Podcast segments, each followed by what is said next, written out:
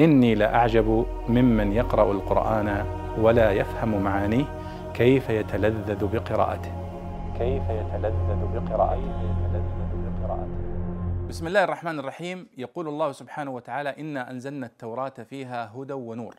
يحكم بها النبيون الذين أسلموا للذين هادوا والربانيون والأحبار بما استحفظوا من كتاب الله وكانوا عليه شهداء. السؤال عن معنى قوله تعالى والربانيون. ما معنى الربانيين في الآية؟ فالجواب أن رب رب في اللغة بمعنى أصلح وهي مأخوذة منها كلمة التربية لأن التربية هي الإصلاح المستمر والإصلاح حالا بعد حال. فالربانيون هي نسبة إلى الرب أو نسبة إلى الربان.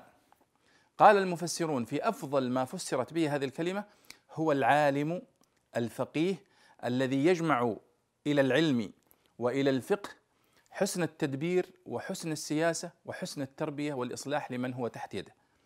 وهو الذي يربي تلاميذه بصغار العلم قبل كباره فيتدرج معهم في التعليم. وهذا هو صفة الأنبياء عليهم الصلاة والسلام وصفة العلماء الراسخين في العلم أنهم ربانيون. فكأن هذا المنهج الذي يسيرون عليه منسوب إلى الرب لأن الله سبحانه وتعالى يربي عباده شيئا فشيئا ويربيهم بصغار العلم قبل كباره ويتدرج في تربيتهم. فالرباني إذن هو العالم الفقيه الذي يجمع إلى العلم والفقه البصر والتدبير وحسن السياسة في تربية من هم تحت يديه. وهذه الصفة صفة مدح للعلماء الراسخين في العلم. والله أعلم.